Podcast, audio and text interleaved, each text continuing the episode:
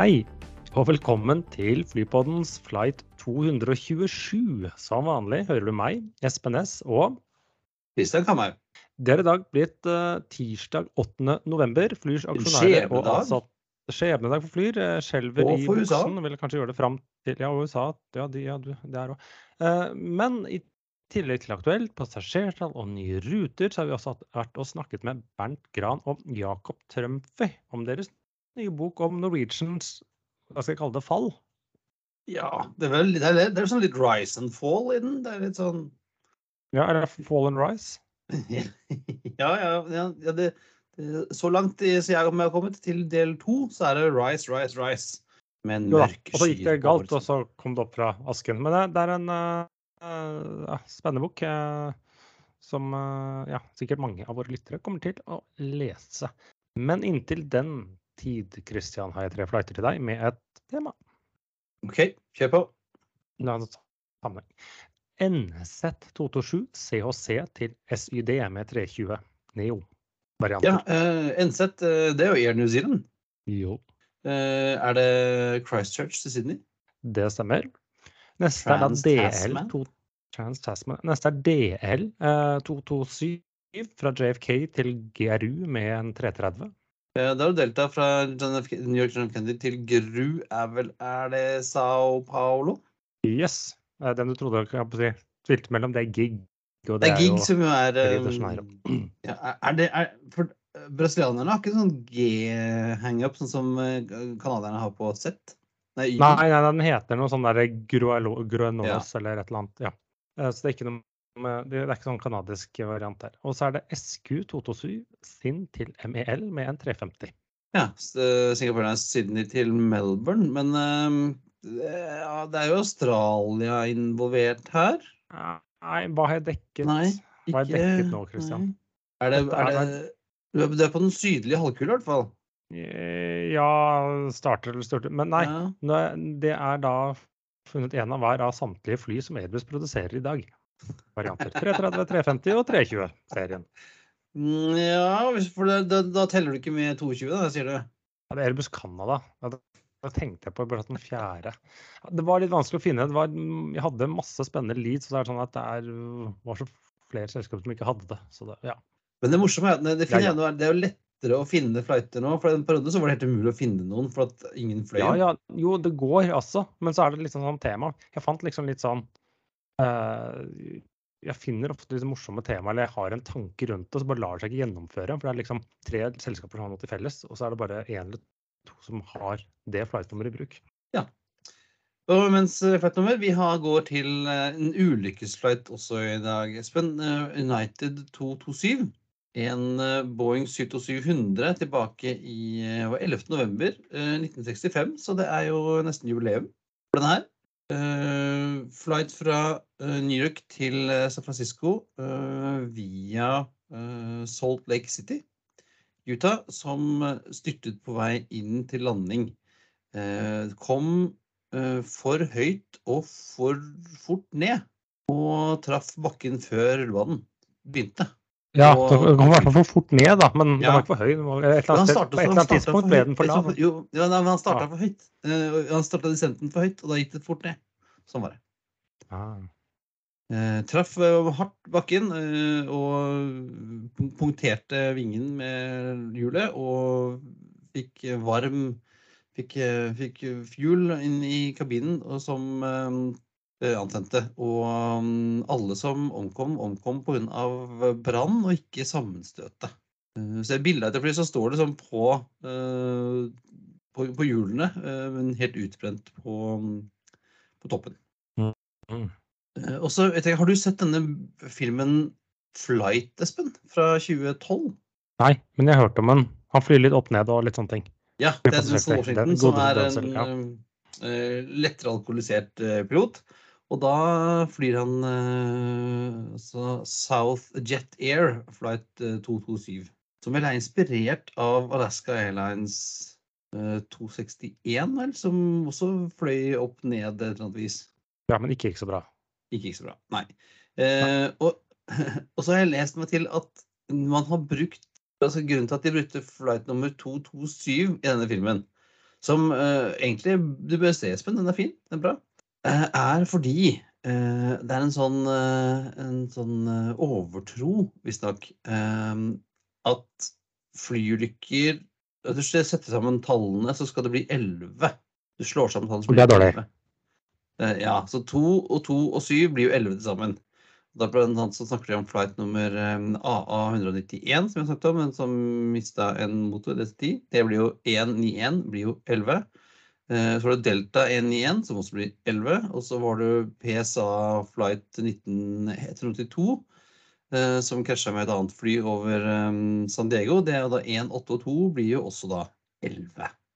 Så man skal passe seg for flighter med, som blir 11, altså, Espen. Ja, og så er det et flytype.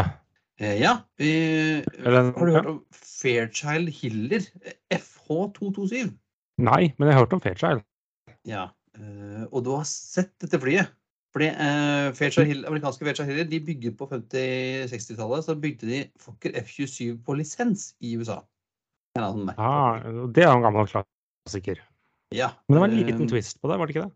Jo, så de hadde jo først denne Fairchild F27, eh, og så lagde de, lagde de sin, altså en egen versjon. Så de lagde en som var 1,83 meter lenger enn F27, med 56 seter, som da fikk eh, typebetegnelsen FH227. Eh, brukt av mange amerikanske selskaper, som bl.a. Delta, Northeast Mohawk og Ozark. Og jeg mener å huske at norske AirX eh, i en liten periode på 90-tallet hadde en sånn som fløy mellom Oslo og Sverige. En, en FH227. Og Og så har det vært et kjent krasj med det flyet. Ja. Yes. Uh, du har, sett, har du sett Alive, Espen? Jeg tror ikke det, men jeg husker den kom på 90-tallet. Jeg lurer på om den kom så tidlig at jeg var for ung til å få lov til å se den.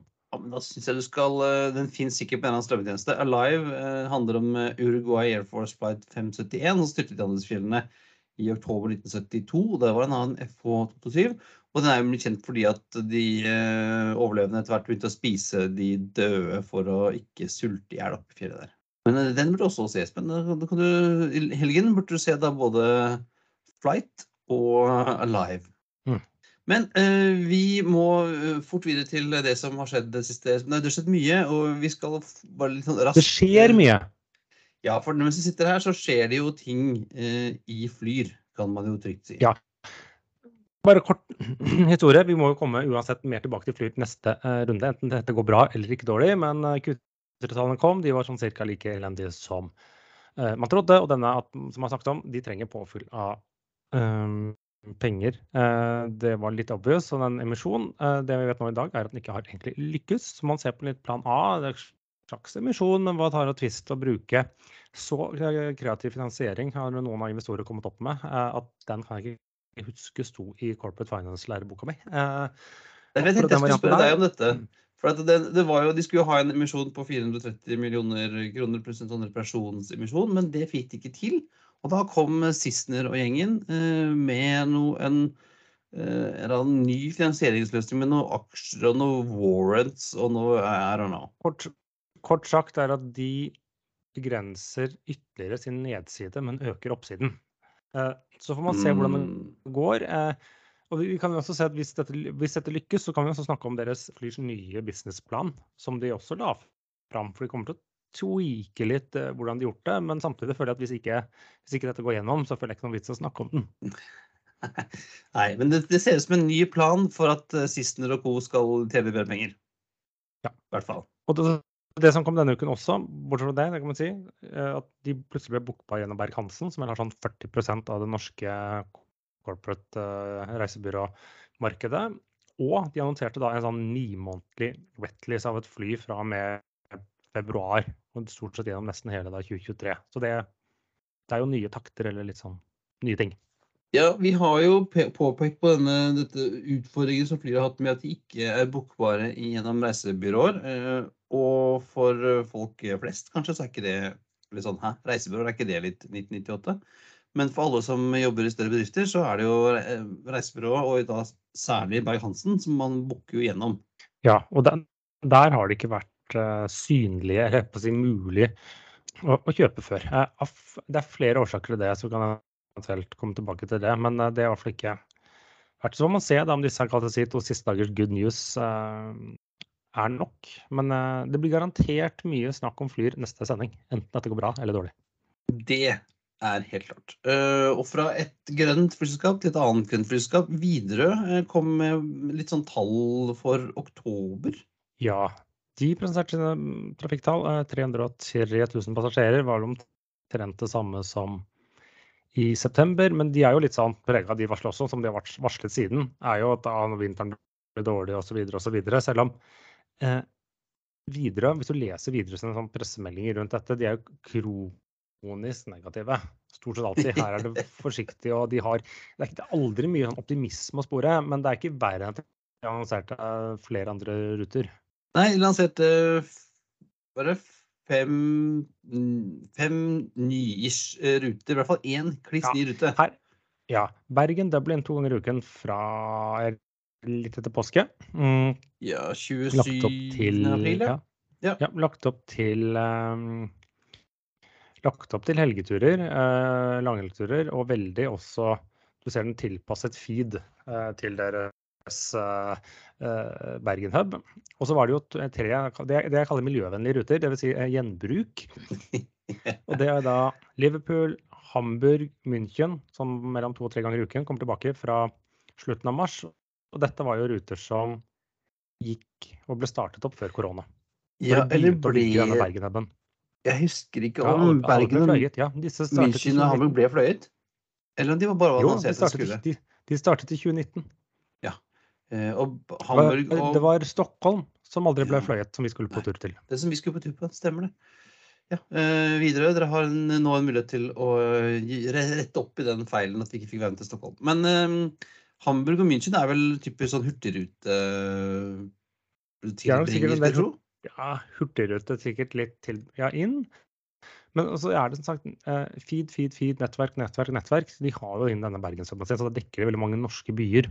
Vi har ikke så store fly, så er det en håndfull som skal til Molde, Ålesund og Kristiansund og ja, Trondheim, Stavanger etc. Så vips, så har du fullt halve fly bare på det. Ja, og jeg fikk eh, Det så ut som at i hvert fall, i hvert fall Dublin kan man også fly fra Torp via Bergen. Ganske bra connections. Mm. Ja, alle disse har, har connections og er tilpasset det. Eh, for de har jo lagt opp på sånn, sånn veldig sen Flere av de, i hvert fall Dublin og Liverpool, lander ganske sent til Bergen. Men Widerøe har masse sånne fly som går fra Bergen veldig sent til de viktigste transdestinasjonene mm. sine. Det er både Torp, det er faktisk Oslo med den lille dashen. OSL. fly det, og også til selvsagt Ålesund, Stavanger etc. etc. Uh, og så bruker de også Billund. Den går vel to ganger om uka nå i vinter, men jeg tror den gikk fire nå i sommer.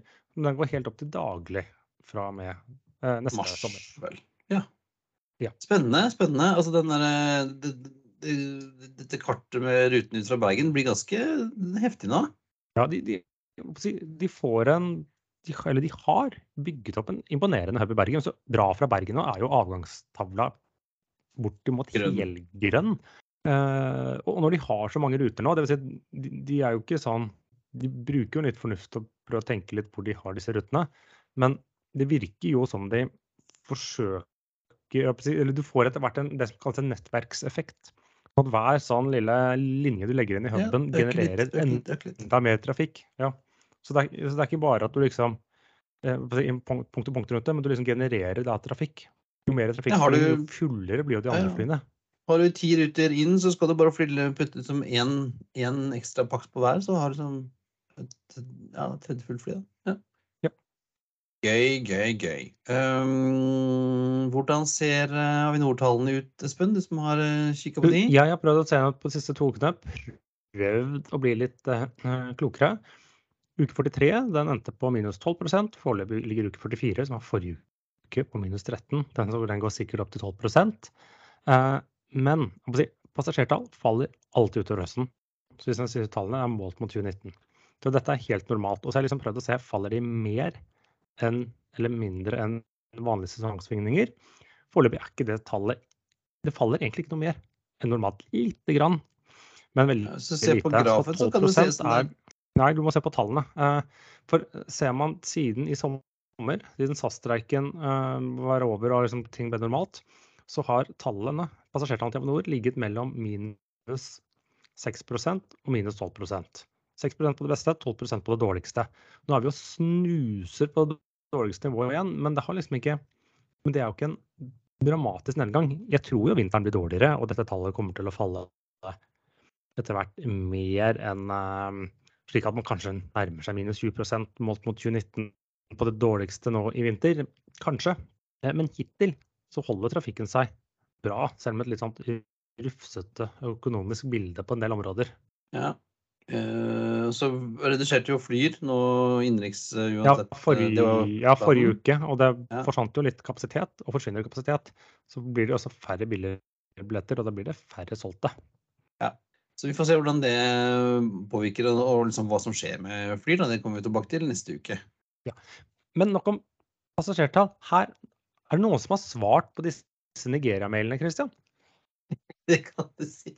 Jeg eh, kom over en sak i helgen om et nytt flyselskap, og det syns vi alltid er gøy. Eh, Antigua Airways. Eh, ja, og Antigua... da tenker jeg Antigua Airlines. Da skal det ja, typisk amerikanere eller andre som skal på strandferie i Antigua. Så er det sikkert en rute til. Er det New York? Kanskje London? Eller? Dette, dette, altså, de startet opp nå i forrige uke med en Wetleast 767-300 ER fra Euro Atlantic. Og de skal fly eh, fra Antigua til Toronto. Ja, det kan jeg jo skjønne. Altså, Canadiere som skal på sydenferie, det er fint. Ja. Eh, og så skal de fly til Lagos i Nigeria og Accra i Ghana. Ja, mm. det var det jeg lurte ikke For hvem eier dette selskapet? Hva er det for noe? Hvor får du penger fra? Hva, hva slags ja, tullball er det? Gode, eh, gode, gode, spørsmål. Eh, det eies 20% av eh, myndighetene i Antigua og Barbuda. So far, so good. Mens den største eieren, han som eier 80% er en nigeriansk forretningsmann gjennom selskapet, og hold deg fast, Marvelous Mike Press Limited. Som er et nigeriansk trykkeri og publishing-selskap. De trykker ting. Ja. Og så tenker jeg hm, eh, hva, hva, er dette? Hvorfor skal De, de uh, lanserte altså nå Begynte å fly forrige uke. Men du kunne, kunne ikke booke vanlige du måtte booke sånne pakkeløsninger. Og en uke på uh, Fra Vest-Afrika, en uke på, på Antigua, det i Economy Cost kosta sånn 30 000. Business Class kosta 80 000. Det er jo ikke billig. Nei, overhodet ikke. Nei, uh, og jeg har kikket litt, og det, det, det, det jeg ser som kommentarer fra Antigua på, er at dette her eh, er egentlig sånn Mener Mener mange er fordekt ulovlig innvandring. Her eh, kan du kjøpe deg en billett fra, fra, Ghana og komme deg til Antigua, og så kan du derfra komme deg eh, til et annet sted i Vest-India eller eh, sist det har vært en sånn tilsvarende sak et annet sted i Vest-India, og da dukket plutselig en del av disse passasjerene opp på grensa til USA og skulle Ja. Så, det er dette Dodge Shady Business. Ja, det, det ser shady ut. Vi La oss uh, følge med på hva, hva, som skjer med Antigua Airways. De har altså et fly malt i Antigua Airways farger, som flys av uh, Euroatlantic. Jeg håper de får uh, forhåndsbetalt. Ja. og så er det andre snakker om selskaper som har slitt, men de øker og skaper, lager nye ruter for det. Til nye markeder. Ja, eh, vi var innom eh, Indigo for en stund siden, som eh, skulle wetlease Triple Sevens fra, fra, Turkish for å fly til Europa. Og nå har SpiceJet lansert ruter til Europa. Første ja. til, til, EU. Amritsar til Milano Bergamo og Roma Fumicino flys ukentlig med 778. Ja, jeg tar to ganger ukentlig, ja. tror jeg. Men selv en 737 Max eller 8 eller hva de kaller det, uh, har jo ikke rekkevidde. Så det er med et lite stopp i Tiblisi. Ja, begge veier. Begge veier. Uh, ja. Uh, hva skal Altså, det er en god, lang tur en 737. Ja. Jeg vet ikke hvor god plass det er i SpiceJet sine maskiner heller. Og SpiceJet har jo vært litt sånn De har hatt en halv tå inne i konkurshjørnet med ny og ne, hvor de ikke alltid har helt klart å betale regningene sine det siste året og hatt noen kreditorer på nakken. Ja, så jeg så, så hadde, det må være billig, da, hvis du skal som gidde å ta den runden, runden, ruta der, liksom. Amritsar til Blisi til Milano. Sånn Italia, jeg skjønner heller ikke det. Men eh, OK. De har jo vært ute og snust på Europa før. De hadde jo noen sånne i hvert fall sånne repatriation flights under covid. Ja. Og, og de fløy vel noen uh, indiske studenter ut av Ukraina også, tror jeg. Så de har jo Ja, vært altså, de rundt der før. litt av det. Ja, det blir spennende å se hvordan det går. Men eh, det blir jo noen nye ruter til litt, litt for oss mer hjemlige trakter. Selv om det ikke er helt Ja, Play Airways, eller hva det heter for noe, Play, eh, disse islandske eh, røde. Eh, De som skulle ta av etter Wow, de starter nå fra direkteruter fra Keflavik til Arlanda fra 31. mars. Fire ganger i uken. eh, Mandag, onsdag, fredag og lørdag. Med A321 Neo. Og Ja. Hamburg også. Ja, Hamburg òg. og de, de kom nettopp med Q3-tall. De klarte så vidt å dra seg i pluss på driften. 1,3 millioner dollar av en sånn omsetning på 6 millioner kroner. Eh, De regner jo med å tape penger året etter nettoresultatet deres etter liksom renteutgiftene var fortsatt negativt. Eh, Men de samtidig, de er positive. Jeg, jeg, kan nesten anbefale litt å lese Q3-presentasjonen deres. Det på hjemmesiden deres. For de var sånn ærlige også hva som hadde gått galt, eller galt, eller hvor de følte at de underpresterte. eh, Og hvor de gjorde det bra, og hvordan de skulle liksom tune litt uh, tingene. Så jeg syns det var litt sånn uh, ja, interessante eh, betraktninger og, og litt sånn ærlighet. Hvordan burde de gjøre det, hva de tenkte seg for å gjøre annerledes i 2023, hvor de da har håp om å tjene penger. eh, gjennom året, ikke bare i tredje kvartal, men også totalt sett. Eh, og så samtidig så fylte de opp kassa med var det 15,5 millioner dollar gjennom en ny emisjon. Det, det trengs det. De har jo sett eh, flere som uh, trenger mer penger underveis. Um, og mens uh, du sa at Play hadde et lite overskudd på 1,3 millioner eh, dollar, så er det noen andre som har et eh, litt eh, penere overskudd på 1,3 milliard, milliarder euro. Ja. Det er er Ryanair som da, de har sånn reisekassår som starter i mars. Så de, hadde, de har sommerhalvåret og vinterhalvåret. Så de tjente da 1,3 milliarder, 1,3 milliarder euro. Så da snakker vi om 13 milliarder kroner på driften i overskuddet i, i sommerhalvåret. Eh, og, men de regner med å tape litt penger neste året, slik at de regner med å tjene en drøy milliard euro for regnskapsordene under ett. Men de sier jo også ja, er kjempebra nå, sier jeg, men de har stor usikkerhet. Også de sliter med litt sånn uklare framtidige bookinger utenom selve julen, hvor de sier de fylles opp. Så de er også litt sånn De bare tror det, men de klarer ikke å se. Men det har også vært at eh, det er en ettervirkning etter korona. Ikke at det er korona sin skyld, det det er, men at flyselskapene har jo også, siden man åpnet opp, rapportert om at de har liksom mye kortere bookinghorisont i Ja. gjennomsnitt på bookingen sin enn de hadde før. Så mens folk kanskje booket en reise et halvt år frem i tid tidligere, var det mange nå som booker mye nærmere avreise, som gjør det litt vanskelig for dem å planlegge. Ja, det er jo eh, en utfordring som har vært en, en god stund. Det er liksom noe at folk vil ha mindre, mindre risiko, da. Ja, nei, kanskje det. Ehm, og de forventer tydeligvis fortsatt høye fuelpriser, for de skulle også bruke 200 millioner euro på å installere sånne skimmeter winglets på deres Ja. eh, gjenværende eller eksisterende 737-800-flåte. ja, for da sparer du vel et par ekstra prosent her og der. 1,5 slik jeg forstår det. Ja.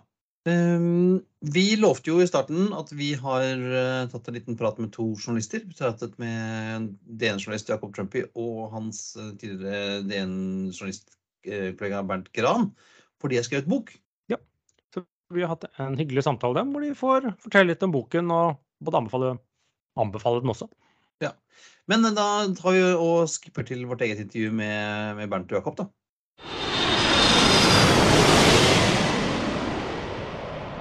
Yes. Um, Espen, eh, kjenner du på turbulens? Ja, er ikke det sånn Er ikke det litt gøy, trodde jeg? Når det går litt opp og ned og rister litt og Ja, i hvert fall liker barna mine det. Det er veldig gøy. eh, Og eh, hvorfor jeg sier turbulens, det er for at vi har eh, nylig eh, kommet ut en ny bok som heter Turbulens, som handler om eh, Norwegian. eh, Og litt sånn How to fuck up an airline. Eller, eller, hva? Vi har med oss fått med oss eh, forfatterne Jacob Trumpy, eh, DN-journalist, og, og Bernt Gran, tidligere DN-journalist, nå gårdbruker. Velkommen til Flypodden. Takk, takk. Hei, takk. Jeg, alle har sikkert hørt denne podkasten 'How to fuck up an airport' om Berlin-Brandenburg, men er dette boka 'How to fuck up an airline'? Ja, kanskje. Det, det, er jo uh, historien om uh, Norwegian som skulle erobre hele verden i en liksom fullstendig økonomisk krise. Og på veien dit så tok eh, Bjørn og Bjørn, som dere vet godt hvem er, Kjos og Kise, tok på seg stor risiko både finansielt og operasjonelt og politisk for å få dette til. Men det gikk jo ikke helt til mål. Det, var, det var dagens spoiler. Jeg har kommet uh, et par kapitler inn i boka, Bernt. og det virker jo for meg som dere har hatt noen enormt gode kilder her. For her er det sitater fra de indre gemakker i Norwegian.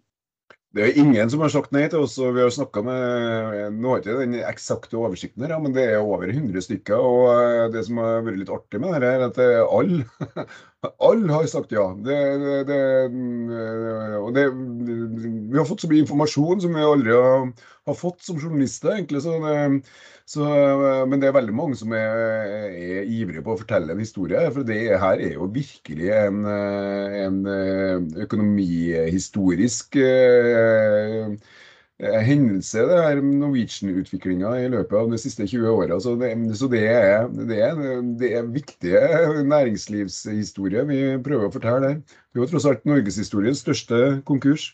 Ja, Er det litt av si, motivasjonen og årsaken til å rett og slett skrive en bok? For her fikk dere rett og slett ikke plass på fire sider i, Dagens Næringsliv?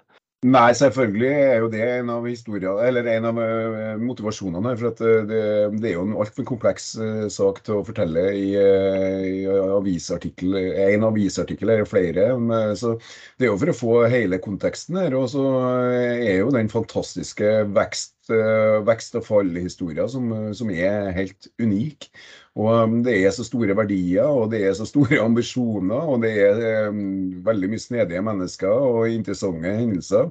Og det er ikke bare norsk luftfart, det er jo nordisk luftfart og det er internasjonal luftfart. Og det er svære aktører, så det, det er en viktig del husker hvordan dette ble til. Det var jo midt under covid, og jeg jobba i redaksjonen i DN og satt liksom og skrev en, minst en sak eh, om dagen om eh, krisen i Norwegian, men fikk liksom aldri det store overblikket. da. Og så møtte jeg Bernt eh, for en kaffe nede på Deichmanske bibliotek og spurte om han ville være med og dra dette prosjektet her. For det, vi visste at det lå så utrolig mye stories helt tilbake spesielt fra 2012, når de kjøpte 222 fly.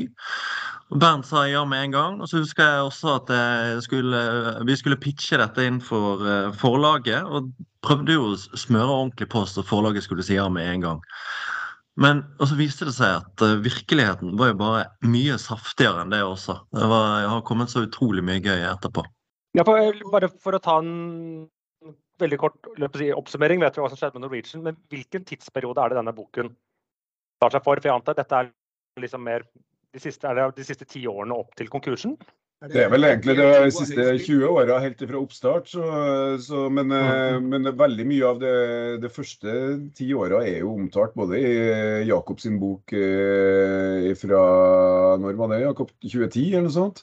Og ikke minst ifra ja, og ikke minst 2012, ja. 2012, ja, ok. Ja, og så ikke minst eh, Bjørn Kjos sin eh, selvbiografi, som, som for så vidt er interessant og, og, og eh, opplysende lesning for den som er interessert i flyselskapet Norwegian.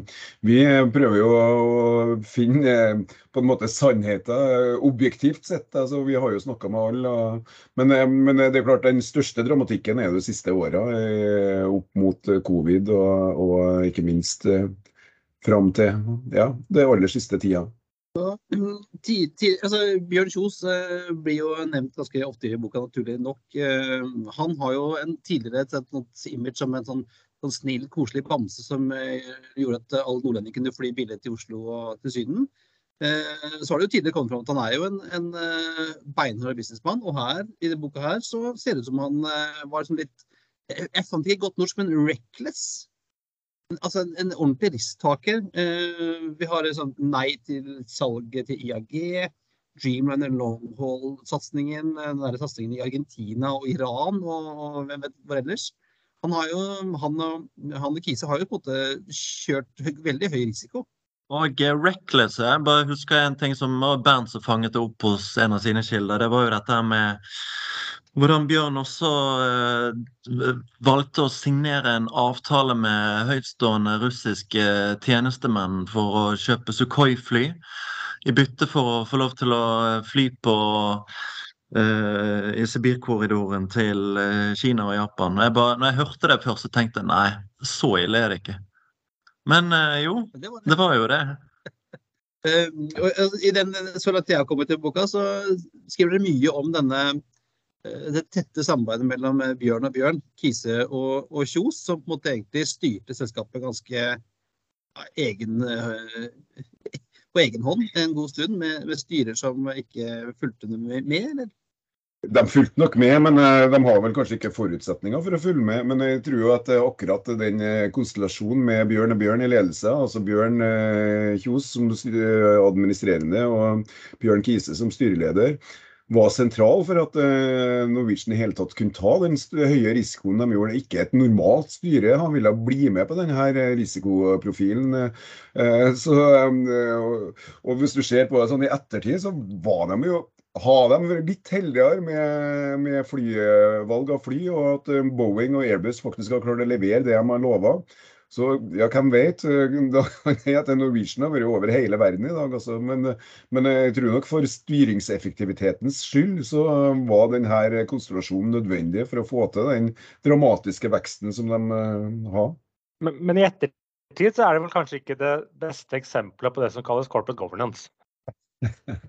Nei, det kan du si, men eh, det var jo et gründerselskap på godt og vondt. Eh, Jeg tror det måtte være helt fantastisk å jobbe i Norwegian på den tida der, der alt var mulig og ingen tanker var utenkbare. Så, så det, må jo ha vært helt fantastisk å, å bare pitche ideer til mm, Bjørn eh, Kjos og få eh, gode, reflekterte svar tilbake og, og liksom se muligheter absolutt overalt og ingen begrensninger. Så ja, det, det må være veldig fascinerende. Og En annen fascinerende ting oppi det her er jo at Bjørn Kjos var jo ingen ungsau da han starta på her. Han var godt over 50. Og, og, og at han da starta opp øh, en øh, internasjonal business på det her nivået her, er jo helt imponerende. Ta opp kampen med verdens største flyselskap og jobbe opp mot øh, gigantene i Airbus og Boeing eh, og bare kjøre på. Det er, det er veldig tøft og imponerende. Så er jo selvsagt risikoprofilen veldig høy òg, da. Eh, Jakob, hva, hva er det på det som har overrasket dere mest? Hva, hva, hva, er, den, eh, hva er det som på en måte har fått øynene til å sperres ordentlig opp når dere har funnet, funnet ut? Jeg tror det handler om eh, alt som kan knyttes til eh, risiko, det vil jo jeg si. da, Når vi tenker på dette med reiser til Iran for å finne business i et land med totalt nedslitt eh, fly og 80 millioner eh, passasjerer, ingen vestlige selskaper. Um, Russland-deal, selvfølgelig. Um, og kanskje sånn mangel på styring og, og ledelse etter hvert. når det liksom det ble jo helt vanvittig stort, og så virker det som de fortsatt hadde ledelse, ledelsesressurser akkurat som eh, under oppstarten i 2002. Ja, for det er jo et forskjell. Én ting er jo å drive en butikk med et dusin fly, kontra når du får da mangedoblet det. Ja, da krever det jo kanskje litt mer, litt mer styring, på godt og vondt, men du kan ikke, det er ikke like mye garasjebedrift lenger. Ikke sant? Så det er veldig tydelig her, og det kommer frem i boken av masse sånn frustrerte konsernledere som eh, er totalt overbelastet og skal styre business på, i flere land og flere tidssoner, og så bare kan vi få flere ressurser, kan vi få luftfartserfaring, internasjonal kompetanse, og så skjer det liksom ingenting, da. Så er det jo veldig mange som tenker Nå, har vi jo passert pandemien, men at det var pandemien som knakk Norwegian, gjorde at Norwegian gikk kok. Eh, men det var jo ikke det. Selskapet var jo rimelig ute å kjøre allerede en god stund før som noen hosta i Wuhan. Ja, det var helt åpenbart. Eh, For det første, langdistansesatsinga deres eh, blødde jo penger. Eh, Air, nei, Boeing-flyene sto jo på bakken. Du har maks du, du, har, du, du, har maks med tekniske utfordringer. Og på toppen av det hele så har du jo uh, begynt jo konkurrentene å agere. og det er jo ikke bare å gå inn og ta et marked når du skal kjempe mot British Airways eller hvilket som helst av de etablerte flag carriers. Så, så, problemene var enorme, og vi konkluderer vel i boka med at det var covid faktisk som berga eh, Norwegian ifra en sånn, å bare bli fjerna totalt fra historien. Har ikke vært for covid, så Det var jo ingen andre flyselskap som kunne fly heller, så da har verken leasingselskapet eller flyprodusentene andre plasser å plassere alle her flyene som Norwegian drev med. Og da var det ingen som var spesielt interessert i å slå dem konkurs. Geir Karlsen er jo ikke helt enig i den uh, konklusjonen vår, da, men, uh, men jeg og Jakob er i hvert fall enige om det. Ja, og så vet vi jo i hvert fall at Norwegian måtte reddes med et uh, nytt milliardbeløp. og Det var staten som måtte stille opp. Etter tre kriseemisjoner så var det til slutt staten. Og staten hadde ikke stilt opp med tre milliarder kroner til Norwegian hvis ikke det var pandemi. Uh, det er én ting. Og det, de, de, sier det gikk mot tidenes beste sommer, men flyene sto jo på bakken. og Det var liksom ti makser, nei, ti Dreamliner og 18 makser, eller hva det var, som sto parkert på veien i høysesongen. og det var, Pengene rant ut uh, hele veien, helt inntil covid. Ja, så uh, Litt sånn som vi har snakket om også, Espen, at alle de konkursene som vi forventa rundt covid, de kom ikke fordi at du sier Det var ikke noe vits å slå en konkurs. det var ikke noe var ikke noe annet sted å putte de flyene uansett. Nei, det var vel kanskje da, det var det som også dere er inne på, for leasingselskapene som jo eide veldig mange av Norwegian fly, så var det bedre å lease dem ut til halv pris til Norwegian enn at de sto parkert i en ørken i USA. Nettopp. Nettopp. Uh, og um Eh, Norwegian eh, har jo tross alt bidratt til god business for dem lenge. og mm, Den forretningsmodellen til Norwegian eh, var jo i høyeste grad leasingselskapene også med på å bygge opp rundt. så de har vel på en måte alle interesser av at Norwegian skulle klare å komme seg over på den andre sida. Ja, for dem var det vel et jeg skal ikke si enkelt regnestykke, men det var et egentlig regnestykke at når man sier at man et leasingselskap er jo heller ikke gammelt. Så de så vel da at det var mulighet for å enten berge mer av fremtidig inntjening eller oppnå best mulig avkastning med rett og slett inngå disse da, nye avtalene med Norwegian, som jo er vel på en del av flyene kanskje det gunstigste nå ute i markedet. Inntil videre.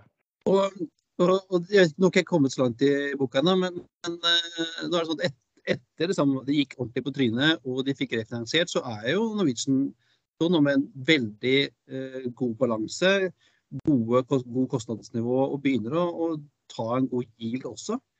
Eh, hva tenker du om eh, framtiden til Norwegian? Jeg tenker at eh, det som skjedde under pandemien og på vei ut av pandemien, som eh, handler om eh, finansiell redning, og godt hjulpet av det som ble nevnt her med velvillige leasingselskaper, det gjorde jo at de endelig fikk ryddet opp en gang for alle. Eh, kvittet seg med massiv milliardgjeld, eh, dyre leasingavtaler osv. Så, videre. så de uh, står jo tilbake som et utrolig mye finansi mer finansielt uh, sunt selskap. De la frem en milliard, et milliardoverskudd i forrige uke, var det vel. Så det viser jo at de er på bra vei nå. da. Litt verre med Flyr som halter og bralter videre, som kommer tall i dag vel eh, forvente at Norwegian skal gå, gå, gå konk, de. Det er vel, eh, tror jeg, ingen hemmelighet at Flyr ble startet som et litt sånn uh, bet på at Norwegian gikk konk. Det har vel noen sagt til oss i denne skriveprosessen her også. Ja, for det ser man jo hvis man tar det norske markedet nå. Hvis jeg holder videre utenfor, som er privateid og ikke like lett å se kartene, kortene, så har jo da Norwegian gått fra å være relativt skakkjørt kan vel egentlig konkludere med, basert på boken deres, til å egentlig nå være det at i hvert fall de børsnoterte flyselskapene i, i Skandinavia det egentlig være det det sunneste, det med best balanse, det med egentlig best framtidsutsikter på kort sikt. Det virker jo absolutt sånn. Da. Flyr og Norse ennå ikke vist at de har en bærekraftig virksomhet. Så jeg fikk uh, lyst til å sitere Kjos. At du trenger ikke være Einstein for å skjønne at, uh, at de sliter ordentlig om dagen, og det er usikkert om de overlever. Ja, og så har vi jo da et, eh, et SAS også, som jo nettopp er under en slags konkursbehandling. Eh, ikke helt ulikt eh, som Norwegian, men som i hvert fall jeg har argumentert dette burde gjort samtidig som Norwegian. Helt eh, sikkert. Det er sikkert mange som mener det. Vi har ikke brukt så mye tid på SAS i denne prosessen her. Eh, så Vanskelig å trekke sånne bastante konklusjoner på det. Men eh, nå, SAS må gjøre det etter covid og etter at leasingselskapene nå igjen kan plassere ting ute i markedet hos andre flyselskaper. Så det blir spennende å se hva de klarer å få til. Er det neste bokprosjekt, da? Eller? Ja, kanskje vi skal skrive om Flyr, da.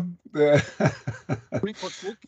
ja, det blir en kort bok. Men, eh, men eh, som en av våre kilder sa til oss nå nettopp, eh, Flyr er jo et perfekt oppkjøpsselskap akkurat nå. De har fantastisk gode leasingavtaler. Så hvis det, det er noe som kan overdras til en, til en kjøper, så burde de være på hugget nå. Da ser jeg tiden begynner å rønne fra oss. Eh, Vi pleier jo å spørre våre gjester om eh, tre faste spørsmål. Skal vi liksom fordele det mellom eh, Jakob og Bernt? Gjør vi. Tar du første, Kristian? Ja. Jakob, første spørsmål. Eh, Favorittflyplass? Ja, og jeg svarer Oslo lufthavn, da. Det er jo digg å komme ut på Gardermoen og føle at man er, skal ut på reise og vegs ut i verden. Så Nå ble jeg veldig overrasket, for det er første gang jeg har hørt en med antydning til vestlandsdialekt som har nevnt Oslo i et positivt, OSL i et positivt uh, ordlag. Men ja. ja. Det var 20 år siden jeg bodde i Bergen, så ja. Eh, og du, eh, Bent, hva er din, uh, Bernt, hva er din uh, Nei, Den mest elendige flyplassen jeg har vært på, var i Maastricht en gang i tida. Den har sin sjarme. Det var én mann eh, som sto for alt eh, av handling der. Det var veldig interessant. Og neste spørsmål er ganske lett, eh, vil jeg si. Altså, det er vindu eller midtgang, Bent? Eh, midtgang. Vindu. Ingen, Da kan dere reise på tur sammen, dere, for dere blir enige. Trenger ikke å krangle om verken vinduet eller midtgangplassen. Perfekt. Kan vi få lov å svare Gelly? Det var en gang vi fløy fra USA og hjem til Norge og ble sittende bak i Gelly med Norwegian. Og ja, det var hyggelig der òg. Ja, det er veldig koselig. Det har jeg også gjort. Det er veldig ålreit. Eh, siste spørsmål, eh, da, Bernt. Eh, hvis du har hvis det var én destinasjon i verden du måtte reise tilbake til hver, hver gang du skulle på ferie, hvor, hvor er det? Nei, det må bli nord i Italia. Nord i Et- Amalfekysten, eller noe sånt. Det er veldig, veldig behagelig sted. Nei, svarer jeg da. Ikke hver gang, kanskje. Men ja. Da sier jeg Altså, vi pleier jo hver sending Helt til eh, slutt, ha eh, beklager for å avbryte her, det er litt forsinkelse. Men eh, som jeg har snakket om, Kristian, jeg har veldig lyst til å, at vi kan kanskje dele ut en bok til en av lytterne av podkasten. Så jeg vet ikke om dere finner en måte til å lodde den ut, eller sortere ut innkommende mailer. Men det må dere gjerne gjøre. Vi kan vel be om den beste opplevelsen med Norwegian, og så velger vi en, den beste historien som vinner av en signert bok, da. Ja. Hvor skal de sende det, det svaret, da? Det sender de til hallo at flypodden.no. Tusen takk for at dere kom. Lykke til med boksalget, og så venter vi på bok eh, nummer tre, eller boka om SAS, da. Og så blir det jo Vi pleier jo å avslutte hver sending med en anbefaling. Og eh, vi kan jo være så frie og freidige at dere får lov til å anbefale deres egen bok. Eller vi kan anbefale Gå og kjøp boken også. For unntatt han som vinner den, da, som får den gratis. Bra. Takk. Takk skal dere ha. Til. Lykke til. Takk, hei.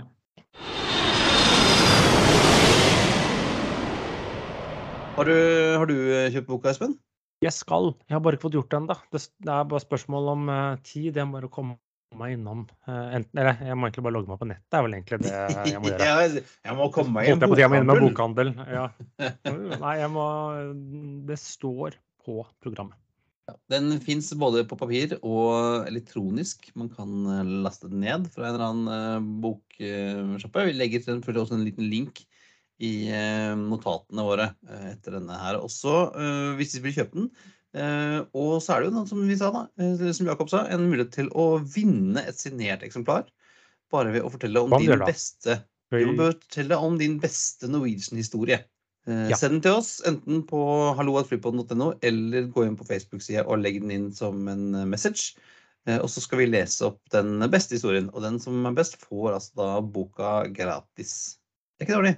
Nei. Uh, og ellers så blir jo det ukens anbefaling. Egentlig kjøpe den boka uh, hvis du ikke vinner. Og delta i konkurransen. Og delta i konkurransen. Ja, så svar, altså, vinner blir trukket i løpet av uh, denne uken i neste, neste episode. Men det var alt for denne gang. Det er på tide å feste sikkerhetsbeltene, rette opp setet og sikre fri sitt ut av vinduet ettersom flight 227 går inn for landing. Som vanlig finner du linker til det vi har snakket om i dag på enkeltspent.no flypodden. Finner oss på facebook.com på Twitter på Instagram og på LinkedIn. Har du spørsmål, inviter oss på flytur eller spons oss, er det bare å sende oss en melding på Facebook. Ha det Bra. bra. We thank you for flying with us today. We truly appreciate your business and look forward to serving you on a future flight.